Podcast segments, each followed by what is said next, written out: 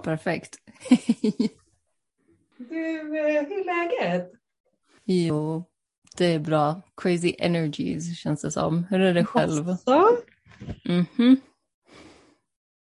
Ja, but tell me all about it. Nej men alltså det började typ i lördags. Så skulle jag på en, eh, eller jag skulle till ett naturreservat bara. Och det skulle ligga typ ja, men så här 45 minuter, en timme bort. Alltså promenera över dit och sen börja själva reservatet. Så att då går jag hela vägen och sen när jag precis är där reservatet ska börja, då bara börjar det ösa ner jättemycket regn från typ ingenstans. Och det var inte du vet så här att ja, men jag, jag väntar ut en liten stund så kommer det lägga sig, utan det var verkligen, jag kunde känna typ i själen att Gud bara, nu går du hem. Alltså så här, det, det här kommer inte, det kommer inte bli av. Och jag blev så triggad alltså. Jag blev jättetriggad alltså på den nivån att jag började gråta liksom och så här, bli typ arg. Och så, så kunde jag liksom inte riktigt förstå varför jag reagerade så starkt. Det var ju bara att gå liksom dagen efter eller sådär. Men sen så, ja, jag började gräva lite i så här, vad, vad är det där? Och det blev så himla tydligt för mig att det är typ exakt den känslan jag har när det kommer till män. Och har haft ganska många gånger. Kan vara jättetaggad, jätteglad, så här, jättepepp, på väg mot någonting. Och sen när det verkligen närmar sig och jag är så här, oh, nu börjar det på riktigt. Så bara, vänd på dig och tillbaka. Oh, och så här, no. ja, precis, och börja upp från noll. Och jag har upplevt den känslan, alltså grejen i det här scenariot så var den typ en hundradel av vad jag känner med män, liksom. men det var tillräckligt för att dra upp jättemycket. Och jag Mm. blev så himla så här, chockad hur en sån liksom, eh, seemingly helt orelaterad upplevelse kan, eller så här, kunde kopplas till något som var way mycket djupare. Och då, alltså, du skulle sett mig igår och i förrgår, alltså jag har ju varit som en så här arg gorilla typ. Skit! Ja, snacka, alltså snacka frustration och besvikelse.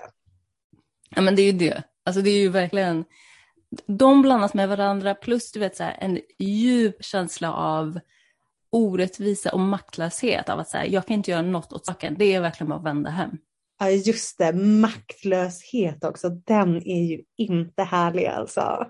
Nope, inte alls. alltså jag förstår det verkligen. Det är lite lustigt att du säger, för på samma, alltså samma dagar här så har jag nog också varit alltså inte helt nöjd. Okej, ja men berätta. Men inte så pass, inte så pass triggad att jag alltså, verkligen har varit liksom så som du. Det har inte varit så stort, fruktansvärt. Men just det här, nu är jag igen då, jag vet inte om det har lite med tiden i månaden att göra eller om jag bara skyller det på det. Men jag tycker igen att, alltså hur svårt ska det här livet vara? Eller snarare också att jag Alltså jag blir så frustrerad och besviken på mig själv. Eller jag dömer mig själv ganska hårt tror jag också över att varför kan du inte bara vara glad? Varför, alltså, varför kan du inte bara vara så lycklig och glad och tacksam sådär som man ska vara? Varför är du så irriterad? Ja men alltså är det överlag eller är det något specifikt? Eller på vilket Jo. sätt är du inte nöjd? Jo, men det... Alltså jag, jag tycker typ att jag vill, jag vill bara vara i fred. Jag vill bara vara i fred. Jag, jag vill kunna bestämma när jag ska träffa folk. Jag vill kunna bestämma själv när jag ska gå hemifrån. Och så i och med den nya killen. Det är, alltså förstår du, jag, alltså du vet, jag, kan, alltså jag blir tokig på mig själv här borta nu. För att den här mannen, alltså han är ju i princip my dream come true. Alltså han är liksom allt som jag har tyckt och känt att jag skulle vilja ha och behöva. Alltså största felet på honom är typ att han är lite sockerberoende. Alltså förstår du? Det, förstår du? Det är ett sånt litet issue. Allt annat är så 100 procent på honom. Andligt, mentalt, emotionellt och sådär. Han checkar alla lådor och är jättefin med mig. Så här, jätte, jättefin. Men så tycker jag att det är lite svårt att få ihop våra scheman. För han jobbar mycket och sen så är det någon dag då när han fastar och inte äter mat och inte tittar på den sexiga blonda tjejen han är med och sådär. Så då, går det, då, då försvinner det lite tid där från oss också. Och sen jobbar väl jag kanske på helgerna då när han är ledig. Och det blir lite svårt att få alltså, kvalitetstid. Och det retar så här gallfeber på mig. Eller jag blir så missnöjd och tar ut det på honom. Du vet. Eller jag, vet, jag blir så sur och irriterad och jag är missnöjd. Och även fast han då är helt fantastisk med mig så går jag runt och beter mig som att han här, inte är bra nog. Och det, alltså det retar som sagt gallfeber på mig för jag pajar ju för mig själv. Men jag, jag tänkte så här att ett, har du sagt det till honom? Vad, vad ditt beteende beror på? Ja, det har jag. Alltså, jag, har, jag förklarar ju för honom och han är så förstående, du vet. Han är ju så förstående och så... Det här är ju nog en grej som är lite triggande för mig också då med honom. För att han är ju så noble, eller eh, dignified, kanske värdig. Alltså, du vet, han är så väl uppfostrad och är, du vet, så ordentligt utbildad och lärd. och du vet, allt det som jag sen lärde mig om det som kallas för sexuell alkemi och vad män versus kvinnor behöver sig i den sexuella akten och vad är sexuell energi och allt sånt här. Det där, det där blev han lärd liksom av, sina, av sina elders hemma i, hemma i härliga Afrika. han är ju från Ghana. Och det där blev lite triggande för mig för då, då tycker jag att så här, alltså hur, inte nödvändigtvis att jag undrar så om jag är värdig honom. Men jag blir påmind om hur skevt och skadat mitt egna medvetande har varit jämt. Eller hur det var när jag var yngre. Och eh, ja, men då kommer vi tillbaka på det här att åh, jag ångrar så mycket. Eller jag önskar att det inte hade varit så där. Och boho, stackars mig, vilka hårda läxor jag behövt lära mig ja, lite avundsjuk kommer jag nog på kanske också. Att jag är lite avundsjuk på att, på att han, hans medvetande har liksom varit mer intakt än mitt. Mm. Det är så himla sjukt. För eh, du vet, Tobias, han är så här, han älskar sina föräldrar och sin styvpappa jättemycket och har haft en jättefin och härlig barndom och gud vad trevligt alla har haft det tillsammans. Och jag sitter ju där typ och hör sånt och kan på en nivå var så här, gud, gud vad kul och skönt för dig. Medan då blir jag ju så här, inte avundsjuk, men jag blir irriterad över hur jag själv har haft det. Så här, varför har inte jag fått ha det så cozy liksom? Det är inte typ precis det jag menar. Och då igen får jag ju kanske alltså, dåligt samvete eller lite skuldkänslor och jag tycker lite synd om mig själv att jag har ju då en ganska fin familj, eller vet, de är så stöttande och, och sådär. Men vi kanske inte, eller vi har väl aldrig så här, tyckt att det är så himla kul att umgås och alla är så goda vänner och jag och min syrra är så här bästis, liksom. det har aldrig varit så. Det är väl inte så nu heller. Även om vi då såklart liksom tycker om varandra och älskar varandra och sådär så är vi inte riktigt vi har aldrig, aldrig klickat så bra liksom. Och då blir jag som sagt ja, lite svartsjuk eller avundsjuk på andra som har som liksom har haft det. Och jag bara, ja, alltså varför kunde, ja, varför var jag tvungen att ha det som jag har haft det? Wow, wow. Liksom. Mm, ja, ett typ, man får ha sådana dagar och jag har verkligen de här dagarna lärt mig, du vet att så här, jag tror inte den här aspekten ska någonstans. Du vet, det är så många gånger jag bara, nu är jag över det. Woho, jag är tacksam över, över livets lärdomar. Och sen eh, så, nej, det kanske inte alls är alla dagar. Men vissa dagar tycker jag gud vad det har varit jobbigt. Och ja, eh, oförtjänt. Så här, jag har inte förtjänat det där. Nej, det är väl det. Och då kan jag tycka att alltså, mänskligheten så här, i stort, alltså, vi har förtjänat, vi förtjänar mycket bättre än vad vi har fått. Än vad vi har genomlevt liksom, senaste, de senaste millennierna. Och mm. Eh, ja, sen då på individnivå, då var boho, stackars mig. Ja, fast jag tänker också typ så här, en del av mig vet att det är ofta en del av liksom vägen är det här eh, svarta fåret mönstret. Alltså det är jättemånga som har det, att man liksom sticker ut eller man har haft det väldigt, väldigt tufft och sådär. Och... Ja, just det. Då är vi tillbaka ja. på den, ja, att det finns någon typ av med att vi är högkänsliga personer, eller liksom andligt väldigt uppkopplade och alltså känsliga då som sagt och därför blir det om vi växer upp i en omvärld som inte är så eller alltså som inte tar så mycket hänsyn till det, alltså då blir det kaos. då blir det kaos för individer som oss.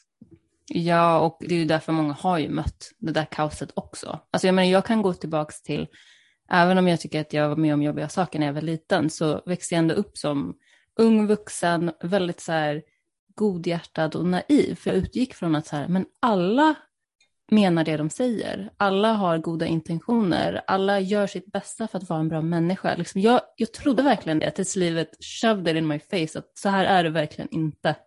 Ja, men jag trodde verkligen också det. Jag tror inte vi är ensamma om det direkt.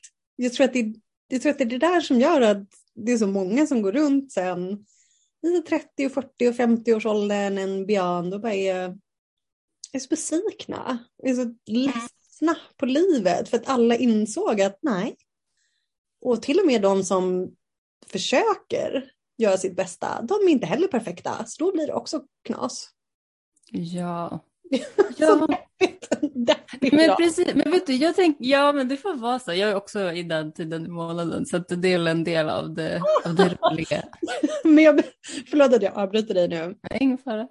Men jag menar på det också att jag tycker att den här tiden i månaden är för ofta.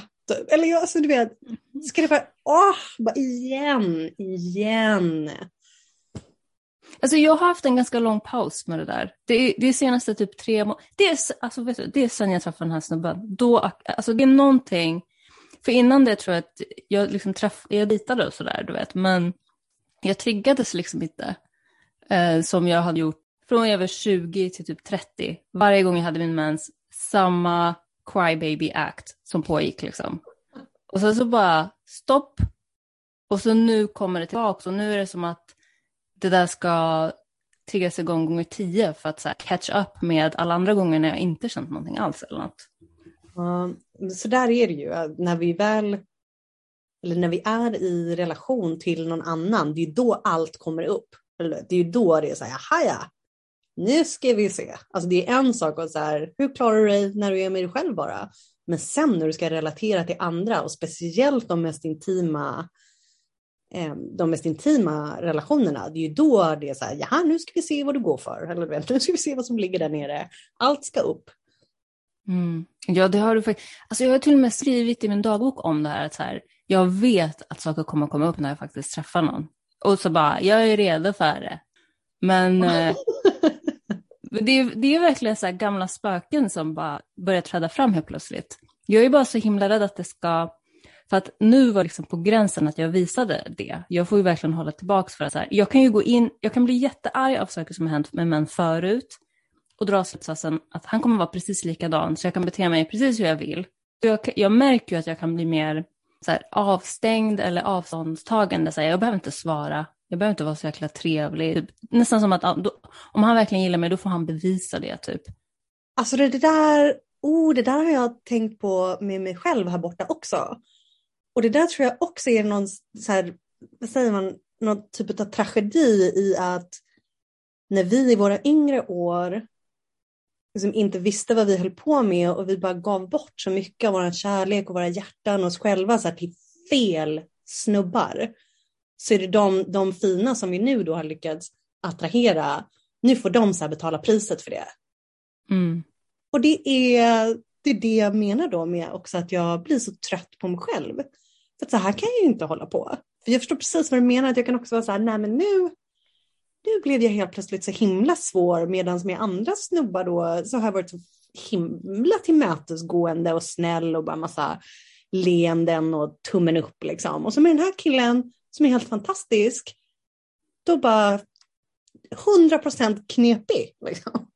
Ja, men vad, vad, tror du, alltså för en del av mig var så här, ska jag liksom dela med mig och, och säga vad det är som pågår? Eller tror du att det är en, för, för mig känns det som att this is a one man show. Alltså så här, när jag tar tag i vissa saker, då gör jag det själv. Det känns ju som att, jag märker själv att det där börjar komma i mig mer och mer och mer. Och att det till slut ska liksom, ja men du vet att mitt monster ska verkligen visa sig till slut. Alltså jag skulle tro att till en början, om vi känner att vi kan hantera våra issues själva och det inte påverkar den andra, då är det kanske vi inte måste ta upp det på en gång. Men som du säger, att så här, nu kom, det kom, du känner hur det kommer och är på väg. Och det är väl också det som är poängen med våra relationer och det som är kärlek, att till slut så kommer ju våra monster komma fram, eller våra mörka sidor kommer ju till slut dyka upp i våra relationer också. Den andra personen kommer bli medveten om det eller kommer behöva se det och, de, och det vi du vet, på en själslig nivå så gärna vill, det är också att någon ska se det här monstret och älska oss i alla fall. Mm. Så jag tror att det till slut blir oundvikligt. Och för att det ska landa så mjukt som möjligt då, eller vara så hanterbart som möjligt, då kan det ju vara en poäng i att, att prata såklart med, med den man har på framför sig om vad det, är, vad det är som händer. För jag tror också att apropå det vi precis sa om att vi, vi naiva kvinnor, vi har liksom gett allting vi har att ge till fel män. Och så har vi bränt oss och så stänger sig hjärtat och då vill vi inte riktigt och så är vi knepiga så här med nästa. För jag tror också att vi blir knepiga med de här killarna som är fina med oss. För att alltså, vi, blir, vi blir skrämda av den potentiella kärleken som skulle kunna bli mellan oss. Och då blir det en sån här du vet, push and pull istället. Att då, och i ena sekunden så vill vi, andra sekunden så vill vi inte.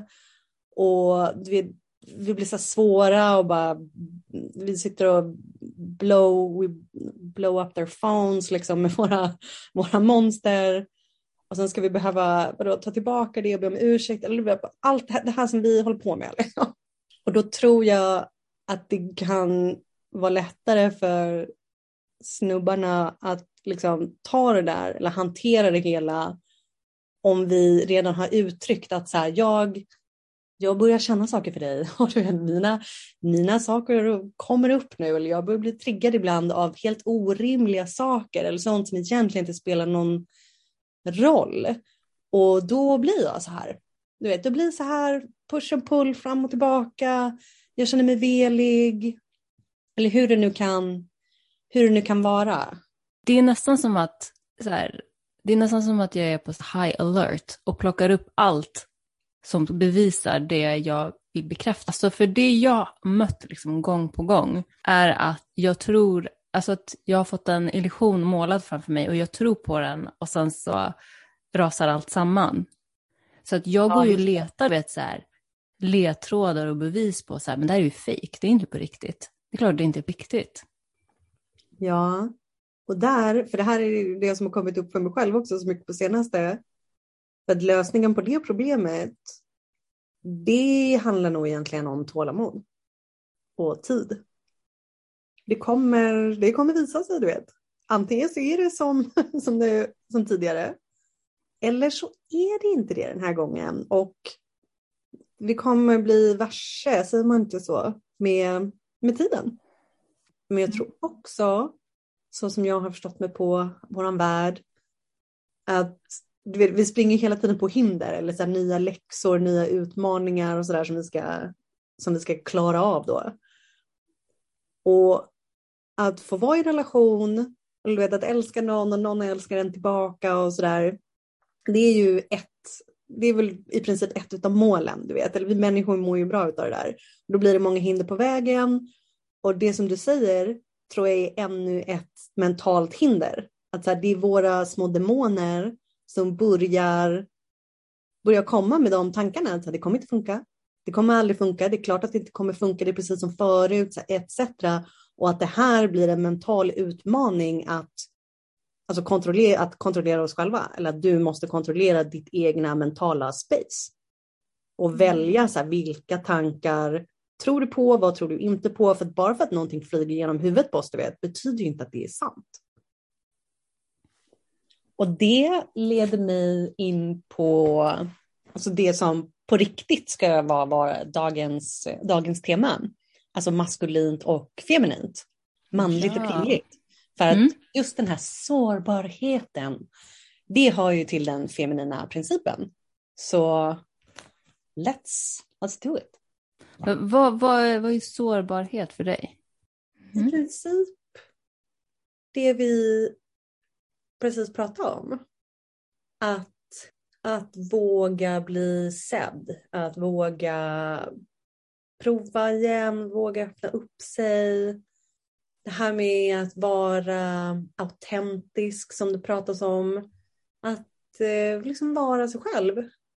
Alltså jag tänker alltid att sårbarhet är, är att våga vara utblottad liksom, och att man tar en risk. Och att det är någonting som ändå ska, vara, ändå ska värderas högt. För jag tycker ofta när man pratar om sårbarhet att det är mycket, du vet, man ska vara sårbar, du ska vara sårbar.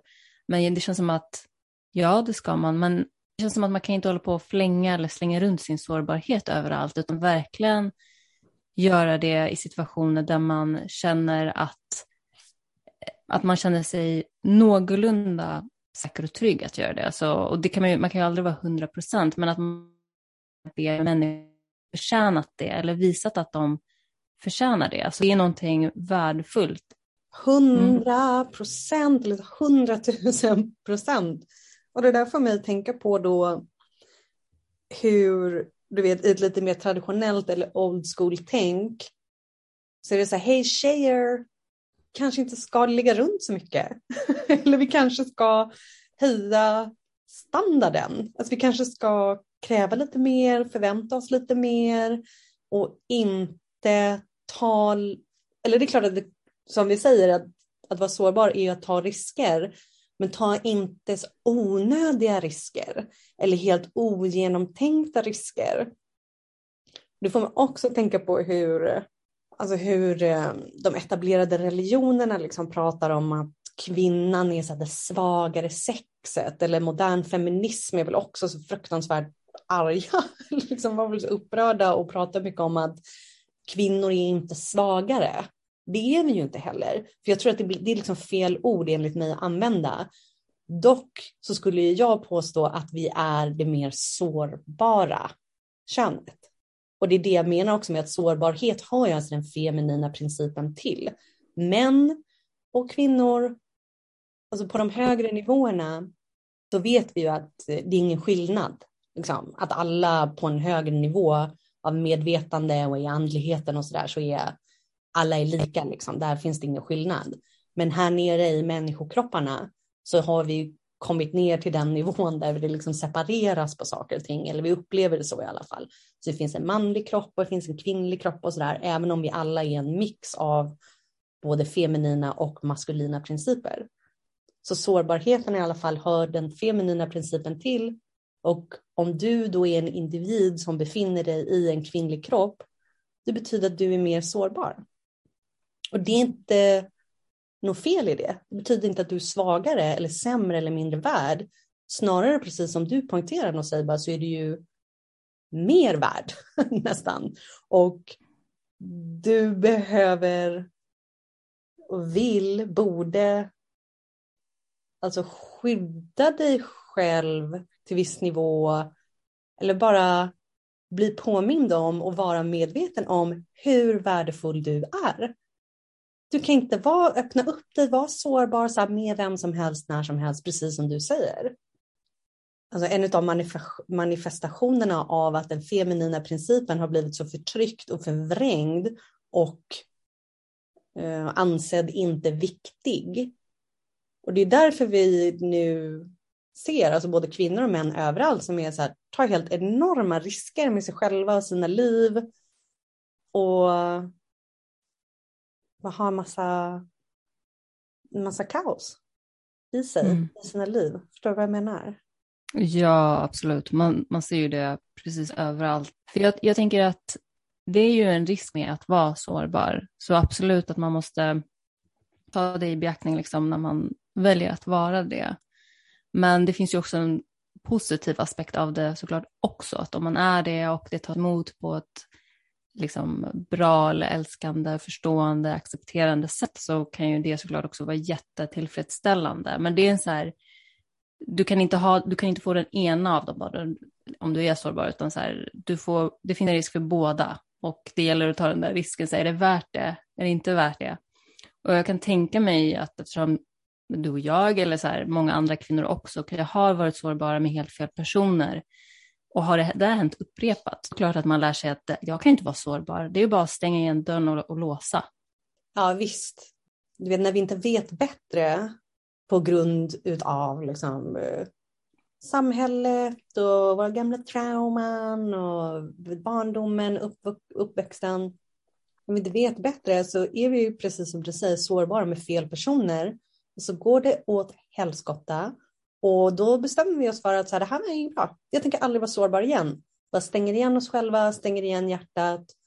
Men det blir ju såklart på bekostnad av eller oss själva. Eller du vet, konsekvensen är ju också att det blir mindre kärlek. Det blir mindre lycka. Det blir mindre, åh, jag känner mig sedd och accepterad och älskad och det är så tillfredsställande. Eller jag känner mig så trygg och glad i det och liksom få uppleva att jag duger precis som jag är eller att jag, du vet, att jag är fin och bra. Så vi, vi, blir, vi berövar oss själva på det när vi inte kan ta oss, kan ta oss förbi liksom, den här missplacerade sårbarheten.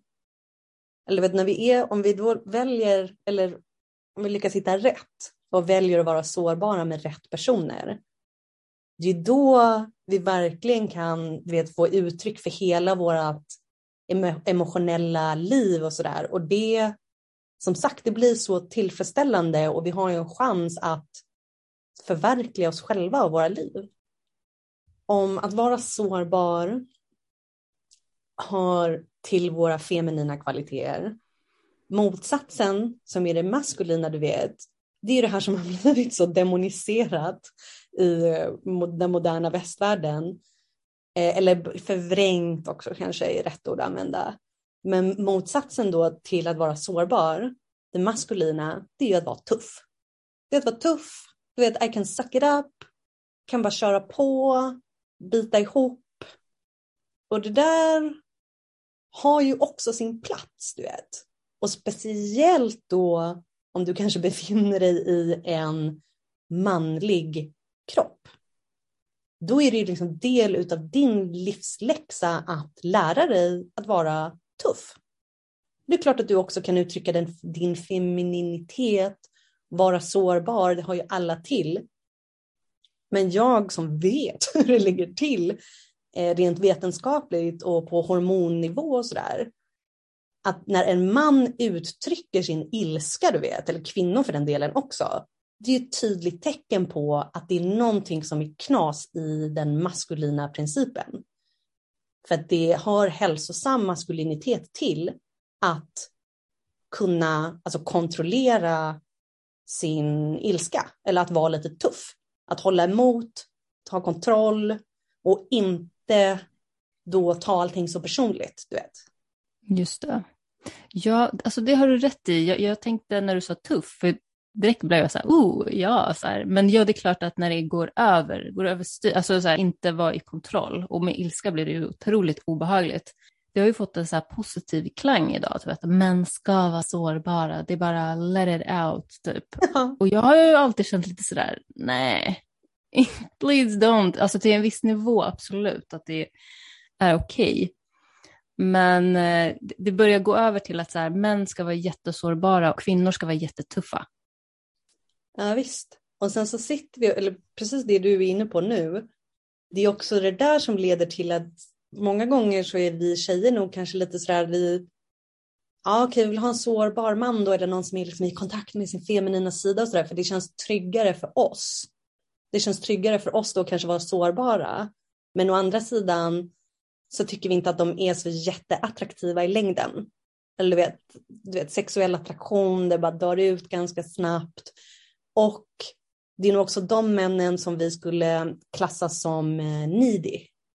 Just det. det blir needy och det där är också så här inte, eller för en tjej som, försöker, som är eller vill hålla sig på sin feminina sida och liksom inte själv vara eh, inte spenderar majoriteten av sin tid i sin maskulina energi, hon kommer liksom inte tycka att han är sexig. Eller hon kommer inte tända på honom. Nej. Men, men jag tycker det var jättebra det du sa att vi vill ju ha någon som är i kontakt med sitt feminina, alltså på, på en hälsosam nivå. Men eh, ja, det blir väl en balansgång det där. Det blir ju det, precis som vi säger att du vet, det är klart att vi ska vara sårbara. Vi måste ju bara välja rätt personer eller rätt, eh, alltså rätt omgivning att vara sårbar i. På samma sätt så gäller det ju att så här, vara medveten om när, när är det dags att vara tuff. Ja, men jättebra. Eller hur? Det här har vi ju den fina symbiosen igen, liksom samspelet fram och tillbaka. För det är också här, du vet, när det, blir, när det inte blir rätt och den här maskulina kvaliteten eh, till exempel kommer ut som ilska, man klarar inte riktigt av att vara så tuff och eller, du vet, bita ihop kanske, eller utan man uttrycker sin ilska. Det är då den kvinnliga principen liksom blir rädd, blir skadad och stänger igen och vill inte vara sårbar längre. Jag förstår, ehm, jag förstår precis. Jag är ju så jättekänslig för ilska. Eller du vet, om en man bara höjer rösten så märker man ju att jag börjar rygga tillbaka på en gång. Det är ju det, då känner vi att, och det, väl, det har ju hänt så mycket under historiens gång också. Vi kanske, haft, du vet, vi kanske hade en pappa eller en eh, morfar eller farfar som liksom uttryckte sin ilska och på en gång så bara whoop, nu stänger jag igen mitt hjärta. Nej, nej, nej, det här var inte säkert. Och det mm. behöver ju inte ens handla om så grov, eh, alltså grovt liksom, psykologiskt eller emotionellt och verbalt våld. Utan det kan ju oh, vara nej. så enkelt att mm. de bara, du tappar humöret, liksom, vilket är mänskligt också. Ja, absolut det är det. Och det, så som du säger, det behöver inte ens vara riktat mot en själv. Alltså, det behöver inte vara riktat mot mig och att jag reagerar med rädsla, utan det är ju bara någonting i det där som triggar igång en. Och som, det är ju hundra procent mänskligt. Det är inte som att man ska gå runt och bita ihop 24-7, utan det, så länge det inte är en vana att man exploderar på det där sättet så är det ju egentligen Nej, lugnt. Visst. Men jag tror att, jag tror att många män kanske inte riktigt förstår hur eh, detrimental, vill jag säga på svenska, alltså hur förödande det är för deras kanske kärleksrelationer då. Hur förödande det är när de uttrycker sin ilska. För jag, tror, jag tror inte att de, eller vi vet väl alla att det är klart att man inte ska göra det, men jag tror att de kanske inte riktigt har förstått liksom, djupet av i hur, eh, hur, hur knasigt det blir. Ja, man blir ju stressad liksom. Samtidigt tänker jag att speciellt män när de blir arga, det kan ju användas på ett, på ett gott sätt. Alltså bara man vet vart man ska rikta den där ilskan och att det kanske blir handlingskraft till exempel för att bemöta en orättvisa eller att man går in i det här krigsmode eh, eller eh, krigshumör eller vad man ska säga av rätt anledning, då kan ju det där ha världens power i sig. Så det är ju bara gott. Men ja. Eh, i fel eh, rum så ja, då kan det bli lite knasigt.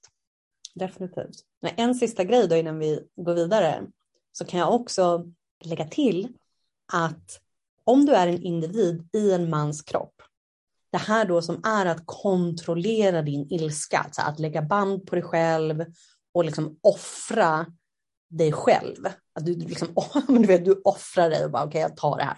Jag håller emot nu. Det är alltså testosteronproducerande om du är i en manlig kropp. Och om du har höga nivåer testosteron, då sänker du dina stressnivåer. Eller kort, det största hormonet som är inblandat när vi är stressade och triggade, det är kortisol. Och om du får igång testosteronproduktionen eller om du har höga nivåer testosteron, då sänker du alltså kolesterolet eller slår ut det, vilket betyder att du blir lugnare, gladare, starkare immunförsvar, friskare, lever längre, alla de här sakerna. Och så finns det så bevisat, det finns massa forskning som har kommit fram till att, de har liksom upptäckt det, att hos män som ut, eller som har, vad säger man, uttryckt eller visat upp aggressivt beteende, de har alltså förhöjda nivåer av östrogen och låga nivåer av testosteron. Östrogen är alltså det kvinnliga hormonet. Kvinnor normalt har 20-30 gånger mer östrogen än vad en man har, även om män också har det liksom i små nivåer. Men där har man alltså sett att lågt testosteron i män, högt östrogen, det är de som är aggressiva.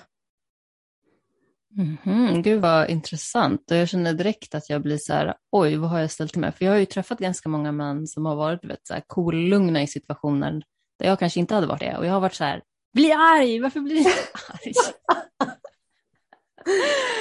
Okej, okay, fel, ja. fel approach. Det var mitt gamla liv, inte nu. Ska jag säga. Det är det här att vi, män är från Mars och kvinnor är från Venus. Vi bara fattar inte varför den andra är som de är. För att Nej. i min värld så liksom, det där är inte korrekt. det, där, det här säger jag till folk ibland också. Att, eller jag förstår att det, det är inte lätt att vara människa överlag. Män lider också, de har det också svårt.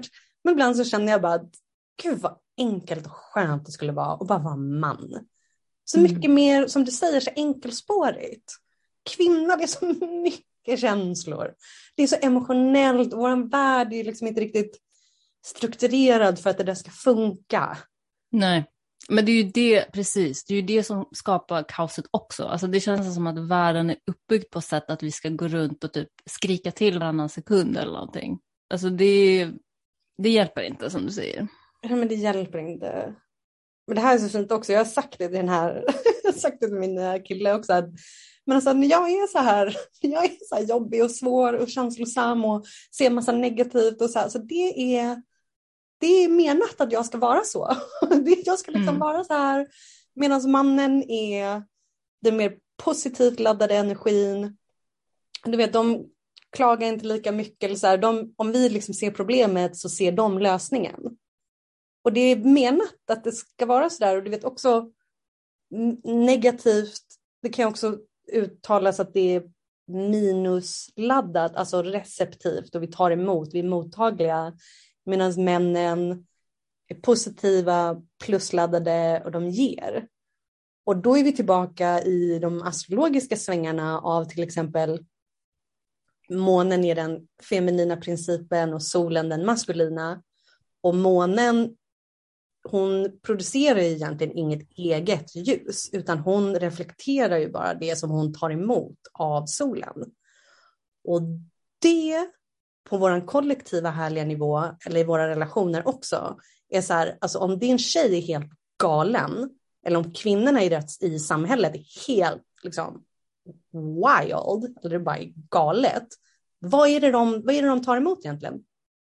Mm. Varför? Varför är de så? Det, måste, det är bara att gå tillbaka till källan. Så här, vad är det de får ta emot hela tiden?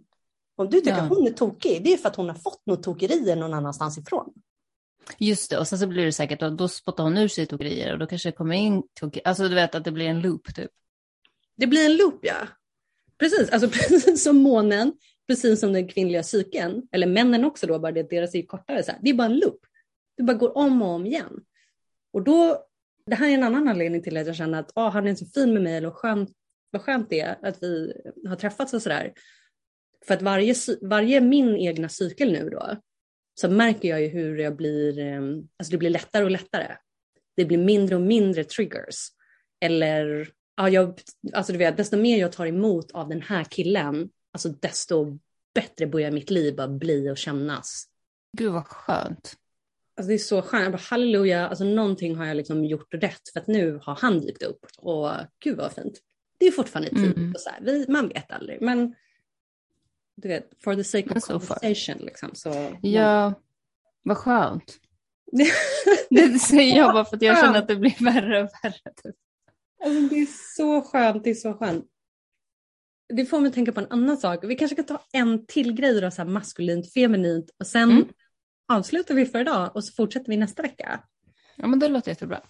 Apropå den feminina principen, alltså kvinnor lite mer generaliserat än män, är beroende av andra. Medan den maskulina principen och den maskulina energin i oss allihopa, eller män då i allmänhet, är mer oberoende. Och det där är ju också en sån i upp och ner-världen vet, där kvinnor ja. tränas till att vara oberoende och att det är power. Liksom. Wow, vilken badass kvinna som är så självständig. Just det, självständig men olycklig. Exakt, precis. De där två brukar ju gå hand i hand, även om man försöker romantisera det ibland. kan jag känna, både i film och sådär, men nästan garanterat eh, kaosartat eller icke-existerande kärleksliv. Precis, den också ja. För igen, allting måste ju komma med lite balans då. Och du och jag, ingen av oss skulle väl förespråka att vara så helt handlingskraftslös eller bara inte ha någon, någon egen ekonomi eller så här, noll liksom. Det är inte den. Men det är som vi säger, det är lite upp och ner, det har gått lite långt kanske, det har gått lite från det ena extrema till det andra. För det igen då, om vi går tillbaka till det som är hormoner. Om du är i en kvinnlig kropp eller manlig också för den delen, när vi visar oss självständiga, vi är oberoende, klarar mig själv, liksom, vi behöver ingen annan, jag bara I got this. Det där är alltså testosteronproducerande igen. Och för män så är det jättebra för dem att ha mycket testosteron. Du vet, det håller dem lugna, friska, nöjda, glada, så balanserade. De behöver massa testosteron. Kvinnor, det kan ju vara en så här, eh, kvinnor när vi producerar testosteron, alltså det kan kännas nice sådär på samma sätt som det känns nice eh, liksom när man får en, ett sånt här till, till eh, vad säger vi, när vi, alltså när vi har ett, ett high, du vet som inte, men som inte håller längre, du vet som när vi, ja men du vet vi dricker eller röker eller som mm -hmm. adrenalin eller dopamin till exempel. Det känns ju bra i stunden. Eh, men det överlag liksom så har det egentligen inte så mycket bra effekter på vårt system, utan det är så här, gå fort upp och sen ner igen. Så testosteron för en kvinna, vi har ju lite testosteron vi också, men typ 20 gånger mindre än en man. Så medan vi producerar massa eh, testosteron, ja okej okay, toppen, men det gör ju ingen effekt på det här stresshormonet till exempel. För män, visst det slår ut stressen och de blir glada, men om en kvinna ska slå ut sin stress liksom må bättre, känna sig lugnare, glad, då behöver vi oxytocin. Och oxytocin då, det, kom, det, får vi alltså när vi känner att vi kan bonda och connecta med någon annan eller någonting annat. Vi känner oss behövda, som att vi tillhör en grupp och sådär. Alltså när vi är beroende av andra. Så det där var ju i, i princip en lång förklaring på så här, ja, självständig men olyckliga moderna kvinnor. Precis, och, och, att det kanske, alltså man kan ju, som du säger, det handlar ju jättemycket om balans, att man kanske är oberoende och självständig och kan man säga testosterondriven, typ ja, men, i arbetet till exempel, men att man kan växa om sen när eh, jobbdagen är slut eller liknande. Just det, och jag tror att det är där som vi, liksom, det är där många kvinnor behöver sina män. För att när vi kommer hem efter att vi har varit i vår maskulina energi och vi har jobbat och vi har fått liksom vara ute i världen och bidra med vårat och sådär. Då om vi kommer hem till en, till en kille, då kan vi ju få liksom slappna av och komma tillbaka till vår feminina energi. Och då liksom distress, må bra igen, bli lugna, producera rätt hormoner. Och, och sen, säg att man inte har en man hemma, då kanske man kan göra samma sak fast med typ en vän eller att man, man har någon organisation man går till eller liknande där man får banda och vara med lite andra. Exakt, det finns ju mängder med eh, aktiviteter eller sådär som naturligt får dig att börja producera massa oxytocin och östrogen. Det kan vi komma till i nästa avsnitt igen. Jag har en lång lista på grejer som man kan göra. För som sagt, man måste ju inte ha en eh, kärleksrelation för, för det. Nej, jag tänkte faktiskt på det när vi snackade om sårbarhet. Alltså ett sätt att vara liksom mer sårbar behöver ju inte vara att man öppnar upp sig för en man. Det kan ju vara jättebra att börja med typ vänner eller kanske till och med en terapeut som får betalt för det, för att ta emot det i princip. Så att man tar små steg och sådär. Ja men jättebra. Alltså terapeuter eller snacka med en coach eller sådär. Det där är det är jättebra. Det är också jättebra grejer för trigga igång rätt hormoner. Om man mm. tänker på en grej om testosteronet hos kvinnor som är lite spännande, eller värt att nämna. Det här vi pratade om förut, om det var ett par veckor sedan när det nu var då, att precis innan vi kvinnor har ägglossning, du vet, då är vi ju så himla sugna på att vara intima.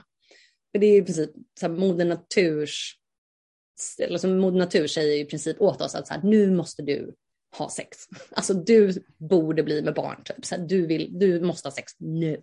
Och det som händer i vår kropp är också att det är då vårat, eh, våra testosteronnivåer är som allra högst. Och det är därför också vi blir så sugna på sex. Och det är därför män kanske tänker så himla mycket på sex också. Eller är så sex, inte i regel, men generellt har varit mer sexuellt drivna än kvinnor. Det är för att testosteron lika med sex, eller du vet, lika med sex, lust, sexvilja och sådär. Så det brukar väl också bli vissa gånger att män som har väldigt låga nivåer testosteron, alltså de har inte lika mycket sexual go heller. Men det jag ville komma till, det skulle mm. sägas vara den riktiga poängen. Det är alltså att kvinnor som är sexberoende till exempel, de, det, många gånger så handlar det alltså om ett beroende till testosteronkickar. Eller att de liksom har alltid överlag väldigt högt testosteron. Så att det känns bra att ligga med folk, men de behöver inte nödvändigtvis ha en relation eller vara speciellt emotionellt investerade. Och i våran värld, liksom Nocebo och Emily som vi pratar, så är ju det alltså att man har gått kanske för långt in i sin maskulinitet på bekostnad av sin feminina sida eller feminina energi, att den liksom är blockad. Alltså gud vad intressant och jag inser verkligen för varje gång vi pratar om sånt här att jag har ju verkligen i mitt tidigare liv gått runt som en jävla testosteronbomb. ja, jag med. Jag med. Alltså, större delen av min 20-årsålder så var det så här, hela mitt liv, nu när jag har lärt mig allt det här, hela mitt liv var i princip, eller på hormonnivån då, det var så här, producera, producera testosteron hela dagarna, Eh, aldrig någon chans till att få upp nivåerna oxytocin och östrogen. Jag var superstressad. Och helt upp och ner. Alltså in och ut, mm. bak och fram, upp och ner, in reverse. Och hemskt, hemskt mycket lyckligare nu. Ja, men samma här. Alltså det jag minns av det tidigare i livet, absolut, verkligen det här med självständig, independent woman. Och jag såg verkligen inget behov av en man. Alltså jag, jag kunde inte se vad poängen skulle vara möjligtvis mer än kroppskontakt. Alltså jag tror att du, jag och jag vet inte om jag ska säga majoriteten, liksom, men många kvinnor och tjejer där ute, eller män också för den delen, eh, då tillbaka till att alla har ju både maskulint och feminint. Det är så många av oss som helt har stängt ner emotionellt. Vi har helt stängt av den feminina sidan, alternativt vi manifesterar bara så här, de skeva och förvrängda uttrycken av femininitet. Alltså toxic femininity pratas det ju om, eller att vi, är, vi bara går runt i våran trauman. Liksom. Så det här var väl en kul not och kanske avsluta. Eller hur? Nej, men jag tänker, vi, men det, är därför vi, det är därför vi tar upp det, så att vi får bukt med allt det här. Men det låter jättebra. Kan du ge lite teaser vad, vad nästa avsnitt kommer gå in på? Ja, men nästa avsnitt, då går vi in på lite mer konkreta grejer, vad vi kan göra för att vända på det här. Alltså du vet, så aha, okej, vi börjar förstå oss på liksom, vad är problemen här? Vad ska vi då göra för att eh, vända på steken som sagt? Mm. Eller inte som sagt, men så som, så som man säger, vända på steken. Och, ja. ja, och vi går in ännu mer på alltså feminint, det är snabba, snabba drag här. Alltså att vara kooperativ, intuitiv, kärleksfull, mottaglig, relationsmotiverad, eh, närande, vårdande, emotionell, manligt, liksom analytiskt, konkurrensdriven, tävlingsinriktad, problemlösning, bestämd, kompetent, självsäker, ansvarsfull, visar sig skyldig, målorienterad. Det där mm. kan vi gräva i mer nästa gång då. Ja, spännande. Ja men jättebra, toppen. Okej, tack så mycket allihopa. Tack.